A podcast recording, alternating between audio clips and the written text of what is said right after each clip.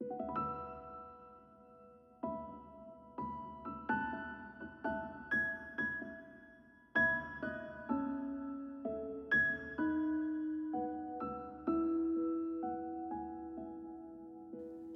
Bapak Ibu Saudara sekalian. Hari ini kita memasuki bagian yang ketiga dari perenungan di seputar doa Bapa kami. Karena itu saya akan membacakan Matius pasal 6 ayat 9b. Dengarkanlah firman Tuhan. Dikuduskanlah namamu. Berbahagialah setiap orang yang mendengarkan firman Allah dan yang memeliharanya. Haleluya. Di dua episode yang lalu kita sudah merenungkan sapaan yang Tuhan Yesus ajarkan, yaitu Bapa yang di sorga. Hari ini kita menjumpai doa permohonan yang pertama di dalam doa ini. Dikuduskanlah namamu. Kalau ini adalah permohonan pertama yang Tuhan Yesus ajarkan untuk kita doakan, artinya doa permohonan ini sangat-sangat penting. Bahkan yang terpenting, di dalam seluruh doa Bapa kami. Nah, apa arti doa permohonan ini? Dikuduskanlah namamu. Apakah nama Tuhan itu kurang kudus? Sehingga kita perlu mendoakan supaya nama Tuhan itu menjadi lebih kudus atau menjadi kudus. Tentu bukan ini maksudnya. Lalu apa dong maknanya?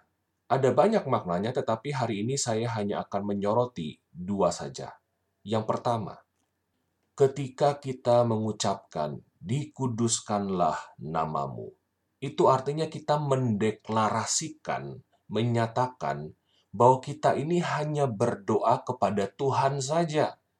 Kita berdoa secara eksklusif hanya kepada Allah yang kita sapa sebagai Bapa yang kita kenal di dalam Yesus. Kita tidak berdoa kepada ilah lain, Kata kudus di dalam bahasa Ibrani itu kadosh, yang secara harfiah artinya adalah terpisah atau dipisahkan. Ini misalnya seperti di dalam sebuah keluarga, ada papa, mama, dan seorang anak. Lalu sang mama ini beli makanan untuk tiga orang, karena anggota keluarganya ada tiga. Tetapi ketika mamanya pesan makanan melalui online begitu, papanya masih bekerja. Lalu sang mama ini bilang ke anaknya, Nah, ini makanan yang satu lagi buat papa ya, jangan dimakan. Kita pisahkan ini buat papa. Nanti papa pulang, papa akan makan makanan ini. Nah, di dalam konteks seperti ini kita bisa mengatakan bahwa makanan itu dikuduskan untuk sang papa. Makanan itu dipisahkan secara khusus untuk sang papa. Ya, makanan itu nggak boleh buat kucing, nggak boleh buat anjing, tetapi hanya untuk papanya saja. Ide yang terkandung di dalam kata kudus adalah sebuah eksklusivitas. Ketika kita berdoa, dikuduskanlah namamu ya Tuhan. Kita sedang mendoakan supaya kita itu secara eksklusif hanya menyembah Tuhan.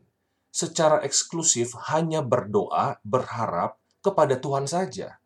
Ketika kita mengucapkan dikuduskanlah namamu, kita sedang berdoa supaya uang tidak jadi Tuhan kita, supaya karir tidak jadi Tuhan kita, supaya kenyamanan, keamanan, hobi tidak jadi Tuhan dalam hidup kita.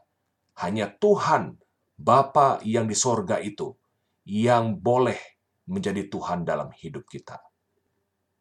Arti yang kedua, ketika kita mengucapkan dikuduskanlah namamu, kita itu sedang berdoa supaya melalui hidup kita, melalui sikap, melalui perkataan, melalui tindakan kita, orang-orang lain yang menyaksikannya akan mengakui, akan percaya bahwa Tuhan itu kudus. Tadi saya sudah jelaskan, kudus, kadosh itu artinya terpisah Ketika kita mengatakan Allah itu kudus, kudus, kudus, kita itu sedang mendeklarasikan bahwa Tuhan itu begitu terpisah dari kita. Sekalipun Tuhan yang kita kenal dalam Yesus itu Allah yang Immanuel, tetapi dia adalah Allah yang sangat berbeda dari manusia. Dia itu tidak terjangkau oleh akal pikiran kita. hikmatnya begitu dalam. Allah itu begitu terpisah dari manusia. Allah itu sang pencipta. Kita ini ciptaan. Allah itu Tuhan, Raja dari segala raja. Kita ini hanyalah numpang kacung-kacungnya Allah di dalam dunia kepunyaannya. Ketika hari ini kita berdoa, dikuduskanlah namamu ketika kita masuk kantor. Itu artinya kita sedang berdoa, Tuhan, biarlah melalui sikap, melalui perkataan, melalui tindakanku di kantor hari ini, orang-orang di kantor ini menyadari bahwa kantor ini bukan milik pemilik kantor ini. Kantor ini sesungguhnya adalah milik Tuhan. Biarlah kehendak Tuhan yang jadi di kantor ini.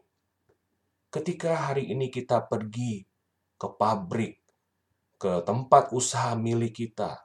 Kita berdoa dikuduskanlah namamu ya Tuhan.